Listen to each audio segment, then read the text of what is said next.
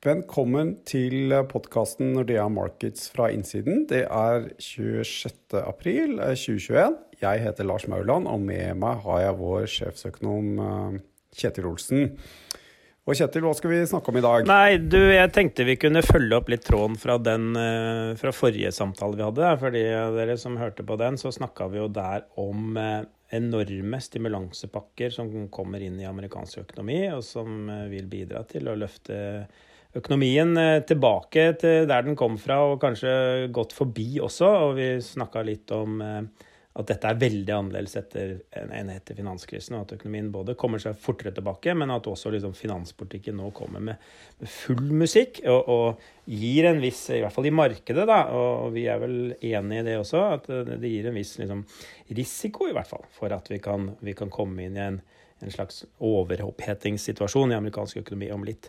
Og som en konsekvens av det, så snakka vi også litt da om at det kunne ha implikasjoner for, eh, for, renteutviklingen, og at det kunne bidra til høyere rente fremover. da. Men du, det jeg tenkte vi kunne prate om i dag, er litt i oppfølgingen av det. fordi du har sett litt, Lars, på alle disse stimulansene som nå kommer fra, fra Biden og de stimulansepakkene. Det skal jo finansieres i markedet. Eh, Den må jo utstede masse statsobligasjoner. Og Det er vel kanskje en mekanisme som kan, kan bidra til å nettopp løfte rentenivået. For disse, disse, obligasjonene skal jo kjøpes av noen. Hvordan er det dette henger sammen? Absolutt, Kjetil. Altså, obligasjonsmarkedet er jo som egentlig som som annet marked. Det er tilbud og etterspørsel som styrer prisen og dermed renta. Eh, og um, i fjor hadde vi jo en voldsom økning i utstedelse av statsobligasjoner. Fra å ligge på sånn rundt 1000 milliarder dollar i året, så hadde vi over 4000 milliarder i fjor. Altså en firedobling. Det var fordi de hadde jo... kjempe sånne støttepakker, sånn som i Norge. Ja, ja. Kjempestøttepakker og bortfall av inntekter. Og masse arbeidsledighetstrygd, og det var liksom Pengene rant ut, da. Mm. Det måtte man for å, å tette det hullet. Og du kunne tenke at det kunne jo kanskje gitt en veldig økning i renter, da. Fordi, eh, fordi det kom så mye obligasjoner, så måtte man sette opp rentene for å tiltrekke seg kjøpere. Men heldigvis, så, eh, kanskje ikke helt tilfeldig, så, så hadde vi også veldig mye økt sparing. Eh, samtidig. Eh, private husholdninger økte jo sparingen sin med oppimot 2000 milliarder dollar. Det er 10% av BNP, det, og det er jo nettopp fordi de ja. ikke har fått lov til å bruke penger, sånn som her hjemme. Mm. Ja. Og det passa jo bra, for veldig mye av de pengene havna jo enten i fond eller i, på bankkonto. Og bankene da kjøpte obligasjoner for en del av de pengene, og, veldig av disse fondsinvesteringene som også gikk til kjøp av statsobligasjoner. Så av den økningen på, eh, på 3000 milliarder eh, i eh, obligasjonsutstedelse, så ble faktisk 1000 av det dekket opp av husholdningenes økte sparing. Og de resterende 2000 de tok jo sentralbanken seg av. Uh, sånn at da gikk vi egentlig ganske balanse i Gjennom i sånne QE-kjøp. Altså de, de, de, har et ja. QE-program og kjøper masse statsobligasjoner. Ja.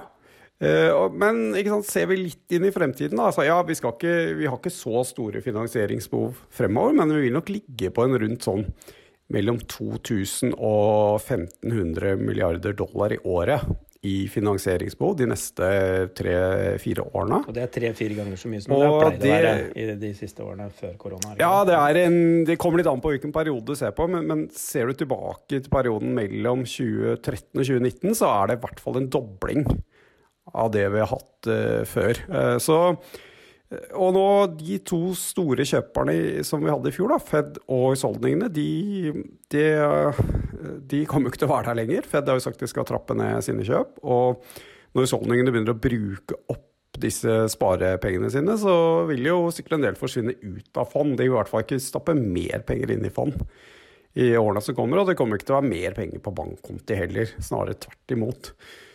Så man har Ja, man må finne andre andre kjøpegrupper, og den største andre gruppen er jo utlendingene. Men det er vel ofte sånn, eh, Lars, at for at de skal være interessert i å, å finansiere dette underskuddet, da, så, så, vil jo de ha en, en bra avkastning, antageligvis. Så da, det er vel sånn det fungerer, er ikke det? Absolutt. ikke sant? Du må, du må på en måte ha noe ekstra. da. Se på utlendingene. de de eier rundt 7000 milliarder dollar eh, av amerikanske statsobligasjoner nå. Og hvis de skal ta unna hele denne økningen her, da, så snakker vi om at de må øke sin beholdning med 10% i året hvert eneste år. Eh, det lyder jo litt voldsomt. Hvis forrige gang utlendingene økte sine eierandeler eh, mye, da, det var når vi hadde mye større renteforskjell. F.eks. hvis vi sammenligner japanske og amerikanske obligasjoner, så var det særlig etter tiden etter finanskrisen. Da fikk man rundt 2% høyere rente ved å kjøpe amerikanske obligasjoner med valutasikring kontra det man fikk i, i Japan. Så, så det, det, må på en måte være en liten sånn ekstra øh, Det må være noe ekstra for at utlendingene skal, skal liksom steppe opp og, og, kjøpe mer her. Så, og det tror jeg vil eh, det vil måtte nødvendigvis komme, da. Uh, og det er selvfølgelig andre innenlandske investorer, sånn som Liv og Pensjon, forsikringsselskap kan også kjøpe mer, men der tror jeg også renta må opp og holdes høy da, for at det skal skje. Så så det, det, denne tilbud-etterspørsbalansen ser eh, den, den, den fungerte i, i fjor. Eh, greit, kommer jo til å fungere fremover òg, men nok på en høyere rente eh, enn det vi har sett tidligere. Ja, og, og, det er jo sånn det fungerer, da. Tilbud etterspørsel. Altså hvis det er få som vil ha noe, så, så må på en måte du må få det billigere, da. Og, og får du billigere ja. statsobligasjoner, så er motstykket av det høyere, det er høyere renter. Ja, så, Helt riktig. Nettopp. Ok, så, eh, så, det er en måte, måte, de langsiktige rentene i USA, og dermed også i Norge, kan på en måte komme opp fremover. da, fordi, fordi altså Ikke pga. økonomien som sådan, egentlig, men, men fordi bare tilbud- og etterspørselsbalansen blir så, så ujevn på en måte i, i statsobligasjonsmarkedet i USA. Men du, eh, en annen ting. Vi har jo sett på denne korte renter her hjemme i Norge. Nibor-renten, tremåneders Nibor, den har jo kommet mye ned i det siste. Og det er en del som stusser over mm. liksom, hvorfor skjer det. Nå har vi vel en Nibor på er det 0,3% og det er ikke så mange ukene, månedene siden at den var på 0,55 nesten. Så den har kommet mye ned. Mm. Hva er det som ligger bak det? Mm. Ja, vi er ikke overraska, for å si det sånn. Uh, det er egentlig fullt det som vi har sett på mest nå i det siste, som jeg tror har vært viktigst for eh, Nibor, det har vært likviditeten i, i den strukturelle banklikviditeten. Altså hvor mye penger som er det kommersielle banksystemet i Norge. Normalt er det sånn at Nibor-påslaget det svinger med forhold i det amerikanske pengemarkedet. Fordi norske banker har en stor del av sin likviditetsportefølje i utenlandsk valuta. Og når rentene går opp og ned der, så påvirker det også Uh, rentene her hjemme. Og, og der, der, er rentene veldig lave. De pengemarkedsrentene i USA er vel sånn 0,2 ja. eller 20 basispunkter. Ja, det, de, de, har fortsatt å, å, å, skli, egentlig. Det er veldig mye penger i uh, pengemarkedet i USA fordi at den amerikanske staten nå driver og tømmer kontoen mm. sin. Uh, mens i Norge så har det vært litt egentlig situasjonen vært litt motsatt. Der har staten egentlig fylt opp kontoen sin, og da blir det mindre penger i, for de kommersielle bankene. Og, det som skjer nå, er at eh, vi nærmer oss sommeren. Eh, sommeren så vet vi hva som skjer da vi får igjen skattepenger, i, i sum hvert fall. Og, og, det gjør jo at det går penger fra statens konto ute i bankene. Og vi pleier alltid å ha god likviditet i banksystemet om sommeren. Det kommer vi også til å få nå, og det begynner nå, nå å sige inn i den tremånedersperioden som Nibor er. da. Så bankene ser at her blir det god likviditet. Ja, da trenger vi liksom ikke å eh, låne opp så mye ekstra i markedet, for vi vet at det kommer mer penger på konto. Mm. Og det begynner å sige inn. Uh, det tror vi vil, eh, det ser ut som det har for størst effekt sånn i begynnelsen av juni, når det er rett før skattepengene kommer på konto. Og så ser det ut som det vil holde seg med god likviditet i banksystemet over sommeren, før det blir strammere igjen. Så vi tror Nibo vil fortsette å falle. Kanskje ja, sannsynligvis ned til rundt 25 basispunkter, kanskje litt lavere òg i begynnelsen av uh, juni. Og så vil Nibor-påslaget ta seg opp fordi likviditeten blir dårligere utover høsten. I tillegg så kan vi jo få både én og to rentehevinger fra Norges Bank i år. Så vi er ikke spesielt overraska hvis Nibor topp, klarer å toppe 1% når vi nærmer oss uh, jul i år. Uh, og det kan jo virke kanskje veldig fjernt nå, men uh, Eh, men som sagt, det, det, jeg tror det er det mest sannsynlige scenarioet, egentlig. Mm. Og selv om vi skulle bare få én renteøkning, som kanskje Norges Bank varsler, da, så, så, snakker vi om en Nibor som går fra kanskje ned mot 0,20-0,25 nå i tidlig juni, til eh, sånn si 0,75 kanskje.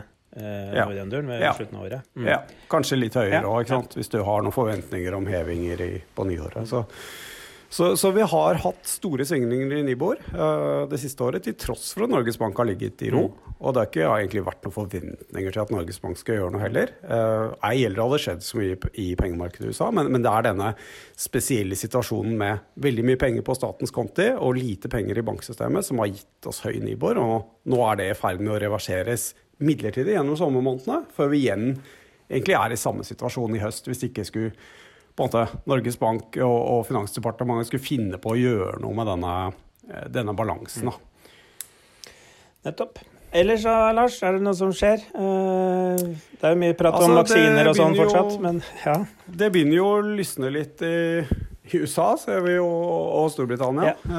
Uh, ting åpnes opp. og, og og vi, vi, henger jo De ligger jo litt foran i løypa på, på vaksinefronten. Nå har det vært mye nyheter frem og tilbake for Norge. Men, men Kjetil, hvis vi ser på det som kommer av vaksiner nå, i hvis vi legger til grunn at eh, man øker tiden mellom første og andre vaksinedose, så ser det egentlig ganske bra ut for Norge òg, gjør det ikke det? Nå kommer det mye mer, mange flere doser. Så fra, eh, fra Pfizer så dobles leveransene nå i, i, i, mai i forhold til april, og, og, det holder seg høyt både i juni og juli og, og resten også. Så vi, vi begynner å få, få, mye doser igjen, mye, mye mer, så vaksinetempoet kommer til å ta seg raskt opp. Um, det har ikke FHI ennå tatt inn i sine, sine vaksinekalendere, de siste nyhetene om eh, leveransene fra særlig Pfizer, som blir mye mye større. Um, så de vaksinekalenderne FHI har på sine sider, de er utdatert for lenge siden. Uh, så det kommer til å skje fortere. De har vel vært ute og, og, og snakka litt om at uh, innen august så ser det ut som og bla, bla, at uh, de fleste voksne vil få tilbud om vaksiner. Men det er også sånn at, som du sier, Lars, at dersom de Eh, øker intervallet fra seks til tolv uker eh, mellom første og andre dose, så vil det fremskynde, fremskynde vaksineringen ytterligere. Så, så vår, eh, liksom, våre beregninger, basert på de dosene vi får inn, og, og denne, dette tidslegget mellom første og andre dose kanskje økes, så snakker vi om at eh, alle voksne vil få tilbud om eh, første dose. Eh, i løpet av juli. Enten har alle fått det tidlig i juli, eller så har alle fått tilbud om det seint i juli. Så det er der vi er. Og det er ikke så utrolig lenge til, Lars. Så, så ja, det lysner. Og når vi vel har fått én dose, så er, er, på en måte Da er vi mer eller mindre good to go, fordi den er veldig effektiv, disse mRNA-vaksinene. Kliniske undersøkelser på Pfizer-vaksinen viser at du oppnår 92% effektivitet etter én dose 14 dager etter du har tatt første dose. Så Det betyr at når vi i hvert fall kommer litt ut i august, så, og, og, de fleste som blir tilbudt vaksine, tar den, ja, da er norsk økonomi good to, good to go, og, og, vel så det. Så, og erfaringene som vi ser fra de andre landene nå, UK og USA, som har kommet lenger, det åpnes opp. Det, sportsarrangementer fylles opp med tilskuere. Puber og restauranter fylles opp med folk. så eh, vi har noe å se fram til, altså. Det har vi. Og det er ikke så lenge til. Det lover veldig godt, og får vi håpe det blir litt varmere i været snart også. Eh, da tror jeg vi sier takk for oss eh, for i dag. Du har hørt på podkasten Nordea Markets fra innsiden med Kjetil Olsen og Lars Maula.